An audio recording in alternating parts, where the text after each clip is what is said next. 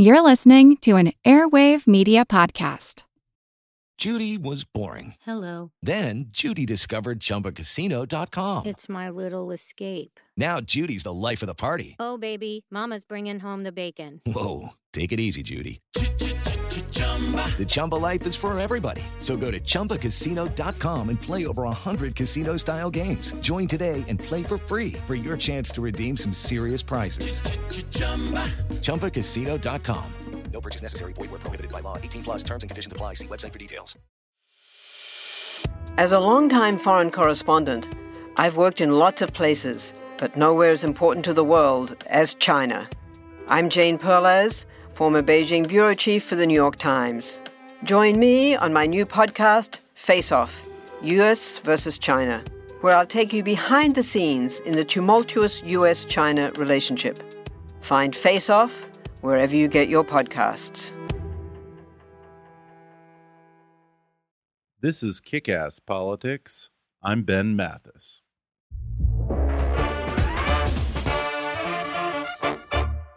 Hey, folks, just a quick announcement. We're in the midst of a very important fundraising drive to come up with all of our production costs for 2016. If you like kick ass politics and you value what I'm doing here, then I hope you'll go to gofundme.com backslash kickasspolitics and donate what you can. It's vital that we fund our production budget for the coming year so I can focus my energies on the content side of kick ass politics and keep producing new episodes for you every week. So be a part of what I'm creating here. Just go to gofundme.com backslash kickasspolitics or hit the donate button on our webpage at kickasspolitics.com. Thanks in advance, folks, and now enjoy the show. Hi, I'm Ben Mathis, and welcome to Kick Ass Politics. If you've been listening to the presidential debates over the past several months, you might think that the biggest threat to the U.S. homeland will come from ISIS or Al Qaeda trained militants sneaking across our southern border and waging violent jihad on innocent Americans. Is that a possibility? Yes. Is it a concern? Absolutely. But the greater danger may very well come from a threat much closer to home. In the 15 and a half years since the 9 11 attacks, 36 people have been arrested or killed for successfully perpetrating terrorist attacks on U.S. soil. These include the 2001 anthrax attacks, the 2002 Beltway snipers, the shootings at Fort Dix and Fort Hood, the Boston Marathon bombing, all the way up to the recent San Bernardino attacks. Of the 36 terrorists behind these attacks, three of them either had a permanent green card or were here on visas awaiting their permanent green card. Four were naturalized citizens. That means that they were born somewhere else but became U.S. citizens. And 29 of the 36 terrorists were U.S. citizens born and raised right here in America. It's worth noting that not one of them had entered the country illegally. While the media and politicians largely focus on the terrorist threat from overseas, a far greater threat could be brewing right here under our very noses. The Homeland Security Department and the FBI have become increasingly worried about the danger of so called self radicalizing terrorists born right here in America, with access to sophisticated propaganda and detailed instructions readily available online from the media arm of groups like Al Qaeda and ISIS. But this increased focus on homegrown threats has also sparked debates about domestic surveillance of U.S. citizens and potential government overreach in an age of hypervigilance, all of which speak to larger questions involving what separates mental illness from terrorist intent, what constitutes a terrorist attack, where First Amendment rights come into play, and what kind of conversations Islamic leaders in the U.S. need to be having with young Muslim men. My guest today explores all of those issues in his new documentary called Homegrown The Counterterrorism Dilemma. He's award winning filmmaker Greg Barker, who began his career as a freelance journalist and a war correspondent working with networks like CNN, the BBC, and Reuters. He then made a string of documentaries for PBS Frontline, including the acclaimed film Ghosts of Rwanda. He's since gone on to direct and produce feature length documentaries for HBO, including Sergio, Quran by Heart, and Manhunt The Untold Story of the Hunt for Bin Laden, for which he won an Emmy Award for Outstanding Documentary or Nonfiction Special. His newest film, Homegrown The Counterterrorism Dilemma, premieres tonight, February 8th at 9 p.m. Eastern on HBO. And today, he's on the show to talk about that dilemma and the many complicated aspects of domestic terrorism. Coming up in just a moment with my guest, filmmaker Greg Barker.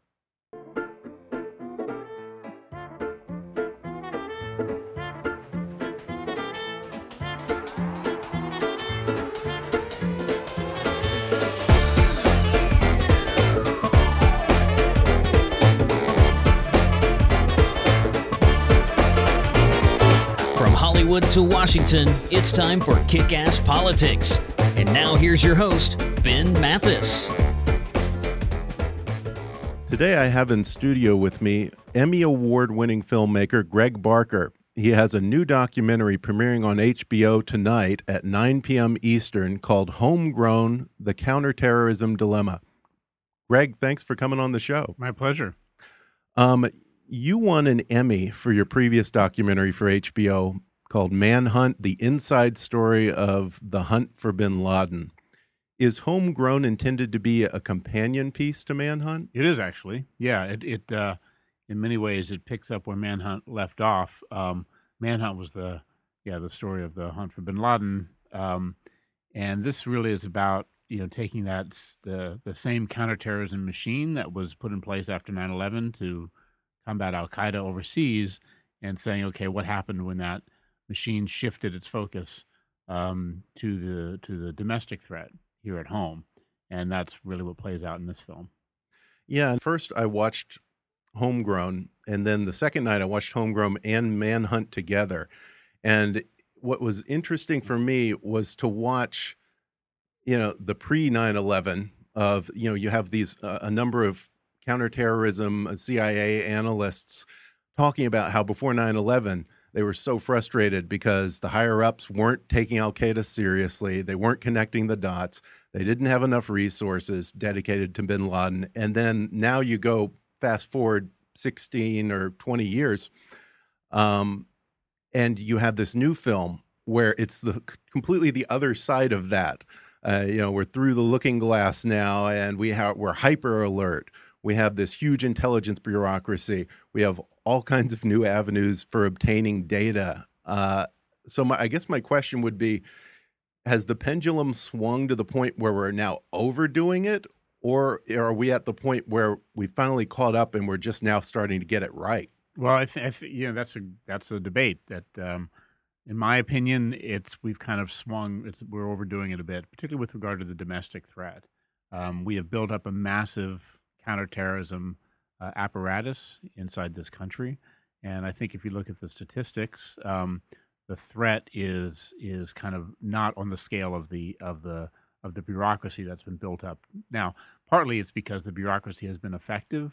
Um, and you know if you are you know we we don't they don't catch everybody obviously look at san bernardino but but the the web of intelligence gathering and um, counter um, terrorism operations that are in place in this country is is is is is massive i mean i think it's safe to say that when you look at what happened in paris with those attacks the involvement of those people and the track record of the previous track record of the perpetrators, they would very likely have been watched extremely closely in this country. And it's unlikely that something of that scale with those kinds of perpetrators would have would have ever gotten to that stage inside this country. So, you know, Mm. that's great, right? So but at the same time, have we have we built something that's gotten too big? And what's happened, I mean, it's very understandable, is you have um, uh, massive bureaucracy, entire careers, large budget budgets that have been put in place um, since 9/11 to combat terrorism inside this country, and people's lives are wrapped up in that now. Um, political careers are wrapped up in it. It's very difficult to say, actually, this is a problem that is largely being managed and managed effectively, because politically, that's that's that's you know, there's no upside to saying that for politicians, and yet Right. a lot of people inside the bureaucracy told me that that's how they feel. Yeah, because you do talk to uh, former agents with the FBI and CIA who were very high up in the process um, as far as counterintelligence and trying to track down homegrown terrorists. And even they admit that psychologically, terrorism is a huge, a huge boogeyman in America, and it is a, a real threat, and we need to treat it like that. But in terms of perspective, we should probably be talking about drunk driving as much or more as we're talking about terrorism or dedicating as many resources to that. Yeah, I mean th- that's right. Those kinds of um, you know, drunk driving, gun violence, gangs, obesity cause a lot more deaths in this country now than, than terrorism does by far. But I think you know we have to remember that 9/11 was a huge psychological uh, shock to this country, and just as you were talking about in my previous film Manhunt, where we talked to a lot of the CIA analysts who saw the Bin Laden, the threat from Al Qaeda, long before anybody else, and nobody listened to them. Well, the pendulum has really swung in the other direction now. Now we're hyper vigilant against against the threat that is is nowhere on the scale. I think of uh, of of what happened then. I mean, the, the the you know we never know what could happen, but the chances of a 9/11 style attack happening in this country now are you know extremely small, much less than they were before 9/11. So. Well, you do cover both sides of the issue here because you talk to, like I said, the intelligence agents who are tasked with stopping another attack, but you also talk with the family members of some of the young Muslim men who either pulled off an attack or were convicted of planning an attack or convicted of providing material support to terrorism, which may not necessarily be the same as planning to commit an act of terrorism. What constitutes providing material support to terrorism? Well, it can actually be um, uh, in in the case of one of the young men in this film. It was uh, sending some videos, communicating, and then sending videos of uh, landmarks in Washington D.C. Kind of that might be a potential. Was these videos were interpreted to be, you know, casing out potential targets, but it can also be, you know, if if if if somebody wants to go travel to Syria with the intent of living in the Islamic State, Mhm. not a stated intent of not not wanting to necessarily fight with ISIS, but simply living there. That is enough to to be charged with material support, and the material support in that Huh. case is the person's is the person's self, their body. That is providing material support to a terrorist entity, ISIS. So it's a very broad category um, that's used extremely effectively in these in these cases. And it's it's I mean I think if you're if you are charged with any kind of terrorism related offense in this country, you have a 99% chance of getting convicted. You talk about the case of Shifa Sadequee. Uh, you talked to his sisters, and you also talked to the FBI agent who was on that case and the prosecutor who caught him and put him behind bars. He's now serving 17 years in federal prison. What were the details of his case? Well, he was um, a young uh, American um, born in uh, Atlanta from a family that was originally from Bangladesh and um, had a normal sort of upbringing in the suburbs. Um, and when he was a teenager, um, got involved with some online activity um, and came on the FBI's radar because he and a, uh, a friend of his started, you know, making contacts with uh, with people who had identified themselves as as terrorists, and um, he was, you know, eventually traveled to to Canada to meet some people who were later convicted in Canada. He and his friend went to Washington and made what I referred to before as these sort of casing videos of targets in Washington D.C. or monuments that, and then sent those videos overseas to people who identified themselves as terrorists and were already on the FBI's radar. It was that that those that that action that was one of the charges uh, brought up against him. Now this, this you know on the flip side, I spent a lot of time with the family. This kid was 17, 18 years old. Uh, he never actually, um, as far as we know, sort of planned an actual attack. He was clearly interested in in the idea of jihad. devoted a lot of time to translating texts from Arabic into English and then disseminating disseminating those on the on the internet. He was very sort of he was fluent in both English and, and Arabic, and he and that's what he that's how he used his his intellect was uh, translating these texts, and that was seen to be as evidence of his of, of, of certain intent as well. So, in the end, he was uh, he went to Bangladesh, got married, and then was was essentially um, kidnapped by uh, the Bangladeshi authorities and turned over to the U.S. government. Brought back to the U.S. It was a, a rendition. Brought back to the U.S. and then charged um, in federal court with um, material support for to, to pro- providing material support for a terrorist organization. Now, the FBI people say that he was on the verge of planning uh, a violent uh, act inside the U.S. Uh, his family says he did nothing wrong, and um, and then once he was brought into custody, he was then held for um, uh, in solitary confinement before being formally charged in court uh, for three and a half years and then Wow. eventually was tried and found guilty and is now serving a sentence. Yeah, why did they need to hold him for three and a half years before actually taking it to trial? I mean, that's a very good question. Hmm. Very good question. just There was- because they could. I mean that yes. I mean, and now that's a decision that was made by the by the um, by the, the the federal penitentiary. I mean, not the FBI necessarily, or the or the counterterrorism people. Once they enter, but once these people enter the criminal justice system, and then then, you know, often they're treated differently than other other. I mean, he was he had did not have a violent background. He was, Mm. you know, was and in the end, he, he was kind of going. His family says it himself, kind of going insane in in in prison while he was held in solitary as a 19 year old kid. You know, so I mean, there's really no good explanation for that. And I um and he, other than he was a potential, you know, they saw him as a potential terrorist. I mean, I'm curious why they let him escape the country and then had to go through all this trouble to rendition him from Bangladesh rather than just arresting him here in the U.S. If, if we're worried about the threat on the homeland, that's something that didn't quite make sense to me. Yeah, I mean it's it doesn't entirely make sense. I mean they were tracking. This is often what happens. They were tracking these guys for a long time, um, and what they're trying to do is to see who else they're linking up with, so that they Mm, get a okay. full picture of the network that they might be involved with. You know, because once they take down somebody, then everyone's aware that they're being tracked. Mhm. So, yeah, I think. Um, but could they have arrested him in the U.S.? They had plenty of evidence. I mean, all the evidence that was presented in this trial they gathered while he was in the U.S. So they could have certainly stopped him earlier. He went off, got married. They must have decided there was a reason to let him go travel, and then at some point they decided while he was in Bangladesh that it was too risky to leave him out there overseas because he might Mm. suddenly disappear. Yeah, Oh, okay. Yeah. Okay.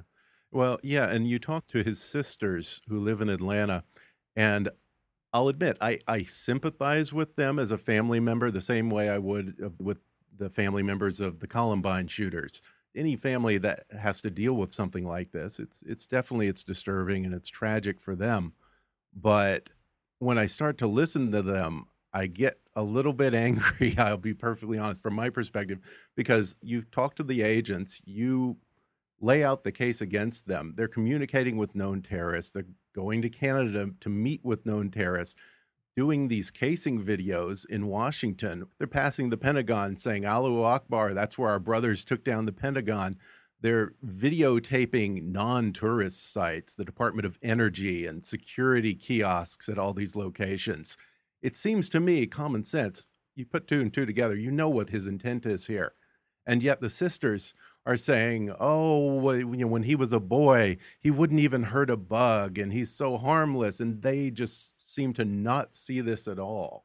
Well, I mean, they're not here, so I mean, I spent a lot of time with them, and Right. um, what they would say is that I mean, I think they would say that a lot of his actions were concerning, and uh, had they known what he was actually doing, um, they both say they would have stopped him or tried to intervene, or they it was you know they didn't know, and uh, but what they would say and what his lawyers would say is that everything that he was doing could be explained by um, you know, or, or, or you know, comes under the category of free speech. I mean, it is not illegal. I mean, it Right. it, it can That's be true. illegal, as one of his lawyers says.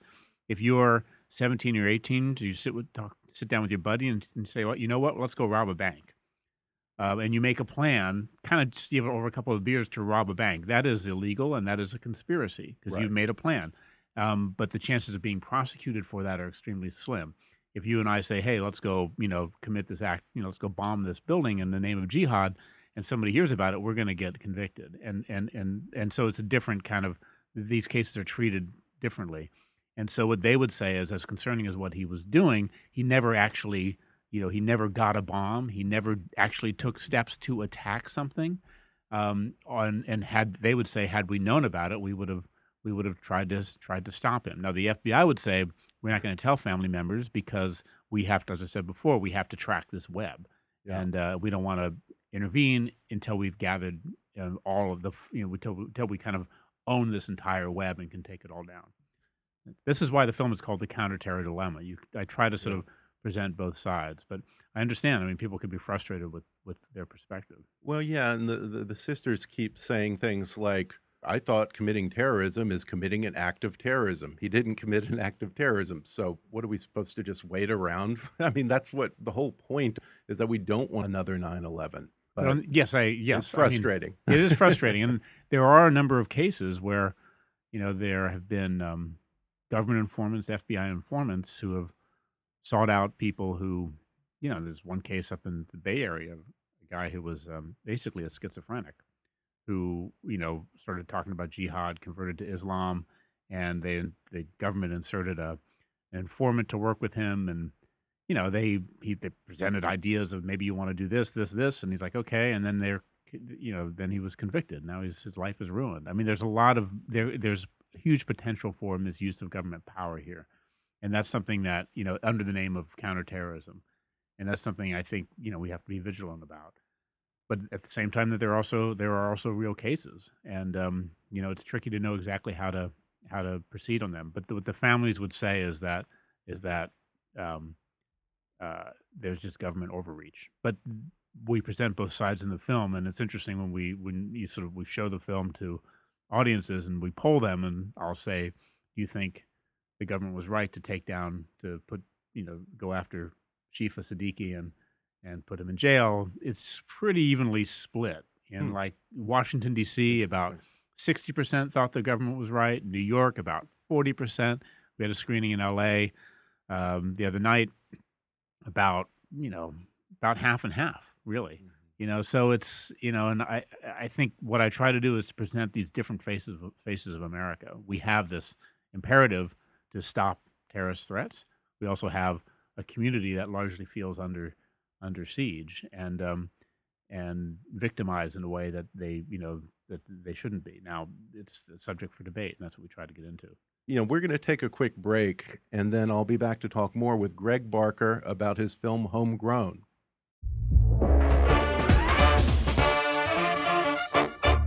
If you're enjoying my conversation with Greg Barker about his new film Homegrown, I think you'd be interested in the book that inspired his movie called The United States of Jihad Investigating America's Homegrown Terrorists by author Peter Bergen.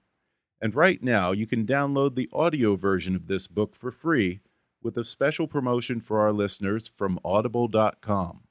Just go to audibletrial.com backslash kickasspolitics for a free 30-day trial and a free audiobook download, which can be the United States of Jihad or any of Audible's 180,000 titles for your iPhone, Android, Kindle, iPad, or MP3 player. That's audibletrial.com backslash kickasspolitics. Or click on the sponsor link on our webpage to download the free audiobook of your choice. And now, back to the show. We're back, and I'm talking with Greg Barker, the director of Homegrown, which debuts on HBO at 9 p.m. tonight. It's interesting that you bring up the, the mental health dimension to this because in the film you talk to an imam in Chicago who is very active in trying to rescue these young men from going too far off the cliff and getting involved in uh, radical Islam and terrorism. Um, and he talks about Samir Khan, who was a young Minnesota man who ran away and joined Al Qaeda, and he was killed in a drone strike. And he talks about how this young man joined Al Qaeda really because he was depressed over a failed relationship and he was just young and confused and mentally unstable. He also talked to the cousin of the Fort Hood shooter, Major Nidal Hasan, uh, and also to Philip Mudd, who was with the FBI terrorism task force.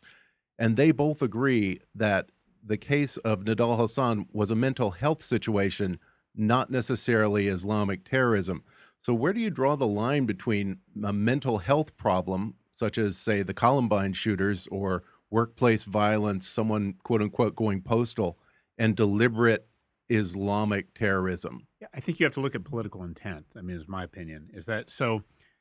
If you go back and think of Osama bin Laden or Khalid Sheikh Mohammed, who planned 9 11 with bin Laden, these are political terrorists, right? Who had a whole philosophy that um, that was grounded in their faith as they interpreted it, and and the political reality in their region, the Middle East, and they the, the, they concluded that the way to achieve their ends, both religiously and politically, was to use to, was to use acts of terror.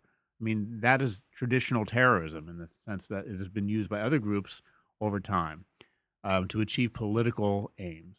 That's what Bin Laden was about. He had a whole theory around it. A lot of the cases we're seeing now are really are not at that level of of uh, excuse the term, but intellect. You know, Bin Laden was a smart guy even though he was deranged. But these are people who are often looking for a, a way to belong. I mean, if you want to, you know, make the analogy to like in other communities, people who might join gangs or get involved in drugs or join a cult, you know, people who somehow are are missing something in their life. Maybe it's a family situation, a society. I don't know who they're angry about something, and and this version of jihad gives them a uh, a path to join something that's bigger than themselves. In the case of Samir Khan, you know, he was a kid in, in North Carolina, kind of, you know, an average kid, um, kind of nerdy kid, and um, started making a name for himself by by putting out jihadi propaganda in English. He was the first real propagandist in English of uh, Bin Laden's ideas, Al Qaeda's ideas. Previously, they'd all been in Arabic. And he was doing this openly in North Carolina, always staying just on the edge of the First Amendment. He actually consulted a lawyer to figure out what can I say that's not going to, you know, that takes me right up to the First Amendment freedom, and but without sort of getting charged. And eventually, he got more frustrated. And as we tell, unpack in the film, a lot of it had to do with this failed relationship with a girl, and he was he was kind of a lost kid, and he found meaning in this in in the idea of jihad and then eventually he goes off to Yemen and uh, joins the Al Qaeda affiliate there, and founds you know uh, this infamous magazine called Inspire, which basically is the first English language online magazine for jihad that has lots of instructions on how to build bombs and how to attack the, uh, West, and and it's still used um, by prospective jihadis, you know, or, uh, in English-speaking countries. So you know and then he eventually was killed in a in a drone strike. He wasn't targeted; he just happened to be there when another American, Anwar Awlaki, was was killed in a drone strike. But um, but he his path was just like a lost kid. He wasn't. He did not begin as as this as as a you know, for lack of a better word, as somebody with a with a political idea and a political objective that that combined it with ideology, and then concluded, okay, we have to we have to um, use terrorism to achieve our ends. He was just a lost soul who went down this path. And you see a lot of guys like that, whether it's mental health issues or like guys and women, or just they don't belong. And this is a way that they might make make them make themselves feel like they're part of something else.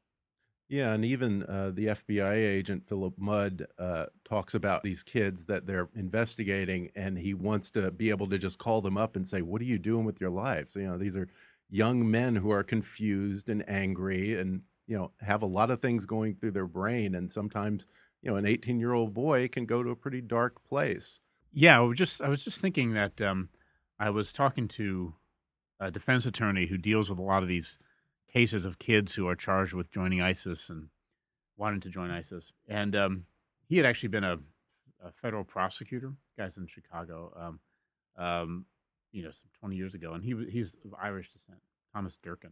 He said to me, "It's like, look, back in the day when the IRA was a problem in in Ireland, if there was like Irish kids in this country who wanted to go off and join the IRA and the FBI found out about it, they would go and and talk to the parents and uh, and sort of say, look, you know, this is what's going on with your kid, and um, and the problem was sorted out that way.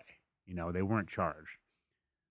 Th- that does not happen now. Very rarely does that happen, um, and uh, um, that's partly because, um, uh, as I said before, they want to kind of investigate the full web, but also it's just it's just very politically difficult to for any sort of single um, government officer to say, look, maybe we shouldn't, you know, prosecute this. Maybe we should try to see if we can save this kid. Because what if they can't? Yeah. And then what if he commits something? But you know, there is a there's a role for some kind of conversation between government and the community or the families that maybe these are often young misguided um, you know kids 17 18 19 year olds who as you know we all do crazy things when we're when we're that young Since you brought that up, in my mind, one of the real heroes of this story is an imam and a professor or a counselor, I forget, at Loyola University in Chicago yeah named Omer Mozaffar.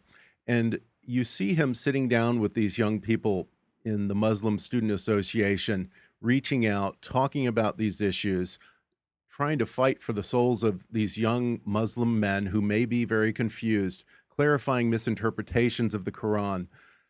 Are there a lot of imams or moderate leaders in the U.S. Muslim community who are doing what he's doing? Because I don't hear those stories very much. Yeah, and I that would- seems like what we need. I, mean, I would agree with you. I think uh, not as many as there should be. I mean, he's one of the more prominent ones.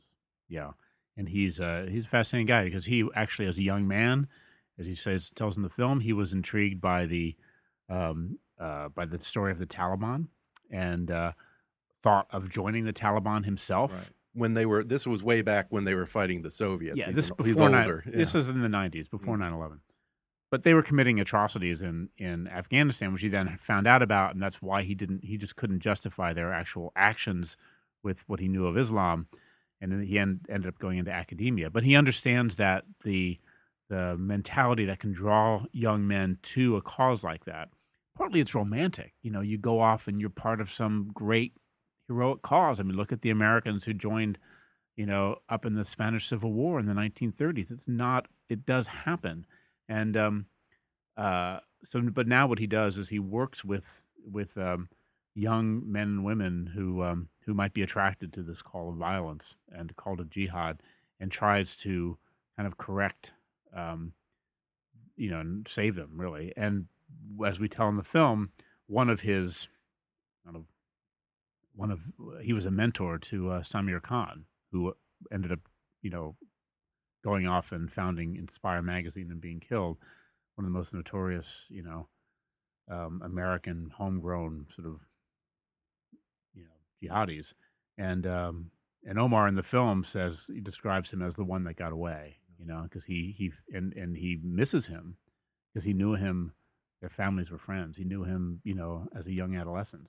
He was just this nerdy kid, and um, and as we saw in the film, he ended up, you know, getting frustrated over a failed relationship with a girl and didn't know where to turn and ended up sort of falling into this this trap of jihad. And of course, it's so easy now through the internet to find this material. I mean, and we show some of the propaganda stuff in the film too.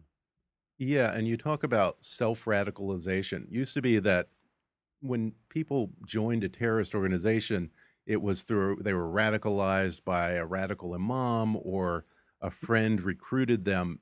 Now it seems that most of these young men, they you know, all that you need is curiosity to become a terrorist. Yeah, I mean the material's It's all available. It's very easy to find, and uh, the fact is, you know, you can look up jihad. You can find ISIS videos on the internet incredibly easily. Uh, the FBI, you know, does not have time to track everybody doing that. I mean, people think I, if you type the word jihad in Google, you're going to get watched. It's that's not the way it works. Um, I think if you then take steps, you'll get on somebody's radar, hopefully. But um, but the um, the material is out there, and um, it's very easy to to access it, and you can access it in your in your bedroom. So people used to worry about, oh, there's a radical mosque down in this neighborhood, and we should. I mean, that is not the way these these things play out now. Most mosques, you know, most people who go to mosques in this country now feel there's likely to be an FBI informant around one of the mosques. I mean, that's what most American Muslims feel, um, and uh, so you're not finding, you know, before 9/11 there may have been some radical uh, mosques in this country. I think now it's much less likely. This stuff happens online and makes it a lot harder to to track. And that brings up an interesting point that this imam in Chicago talks about. And he, he really kind of reminds me of the preachers in South Central who are trying to rescue kids from a gang. There's a lot of that similar feeling yeah. there. And I really empathize with him. But he talks about how one of the biggest impediments to anyone reaching out and seriously talking about trying to save these young men from making this huge mistake in their life is that Muslims are so paranoid even to have a discussion about ISIS or Al Qaeda or how they feel or if they sympathize in some ways with these people and actually work these things out because they're afraid that they might end up on a government watch list. Yes. Um, he says we need to be having these discussions with young men because if the Muslim leaders in America aren't having these discussions and aren't talking about this with them, these young men who are naturally curious are going to be informing themselves somewhere else that we may not like so much. I think yes, and so his point would be that you just can't, Muslim leaders can't just you know bury their heads in the sand and say this isn't Islam, it's not us, and because it's not good enough for for somebody who's curious, and uh, they'll find they'll find that information out there, and um,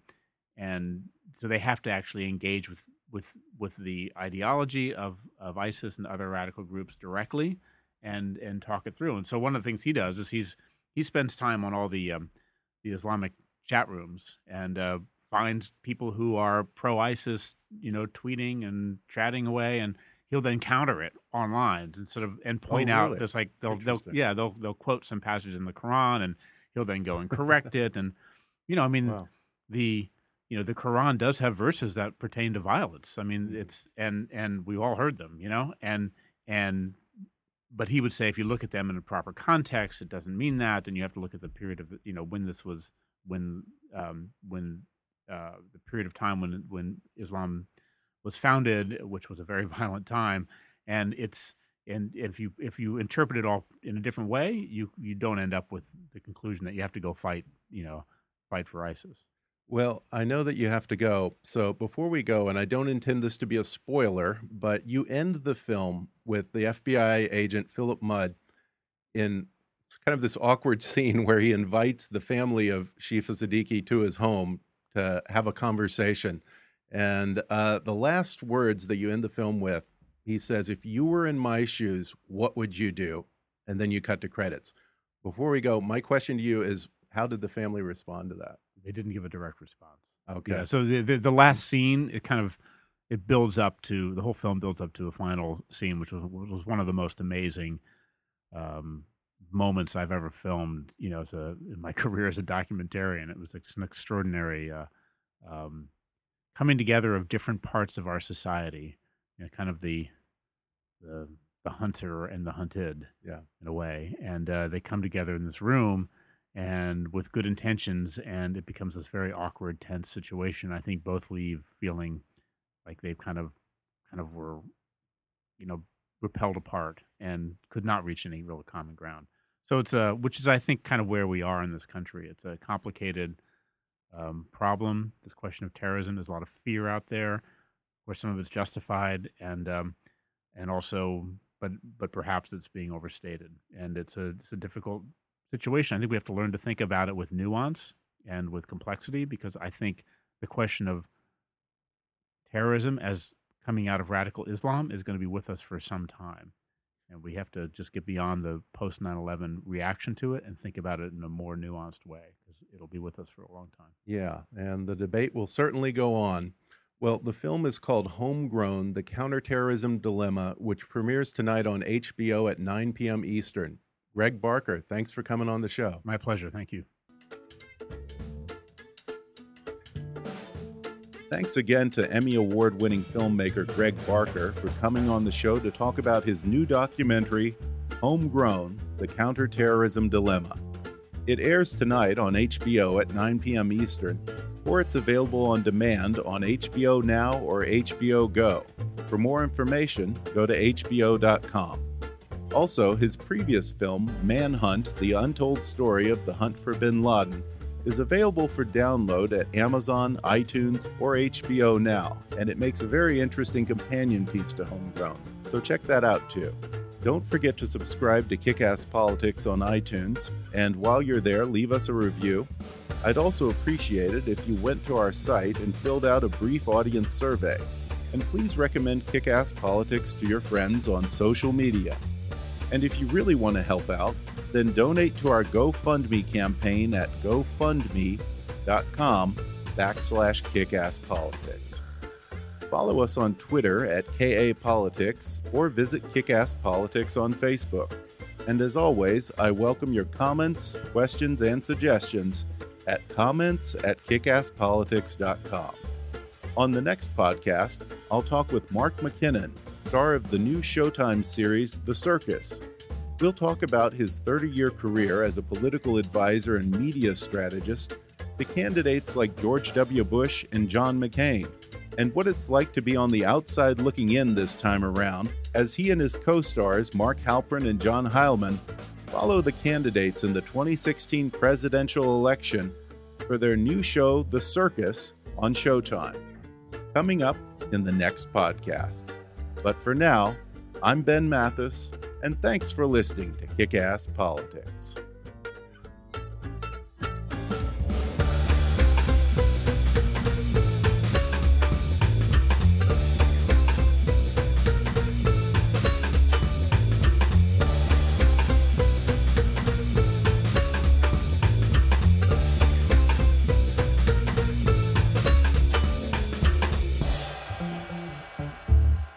This podcast may not be reproduced without express written permission.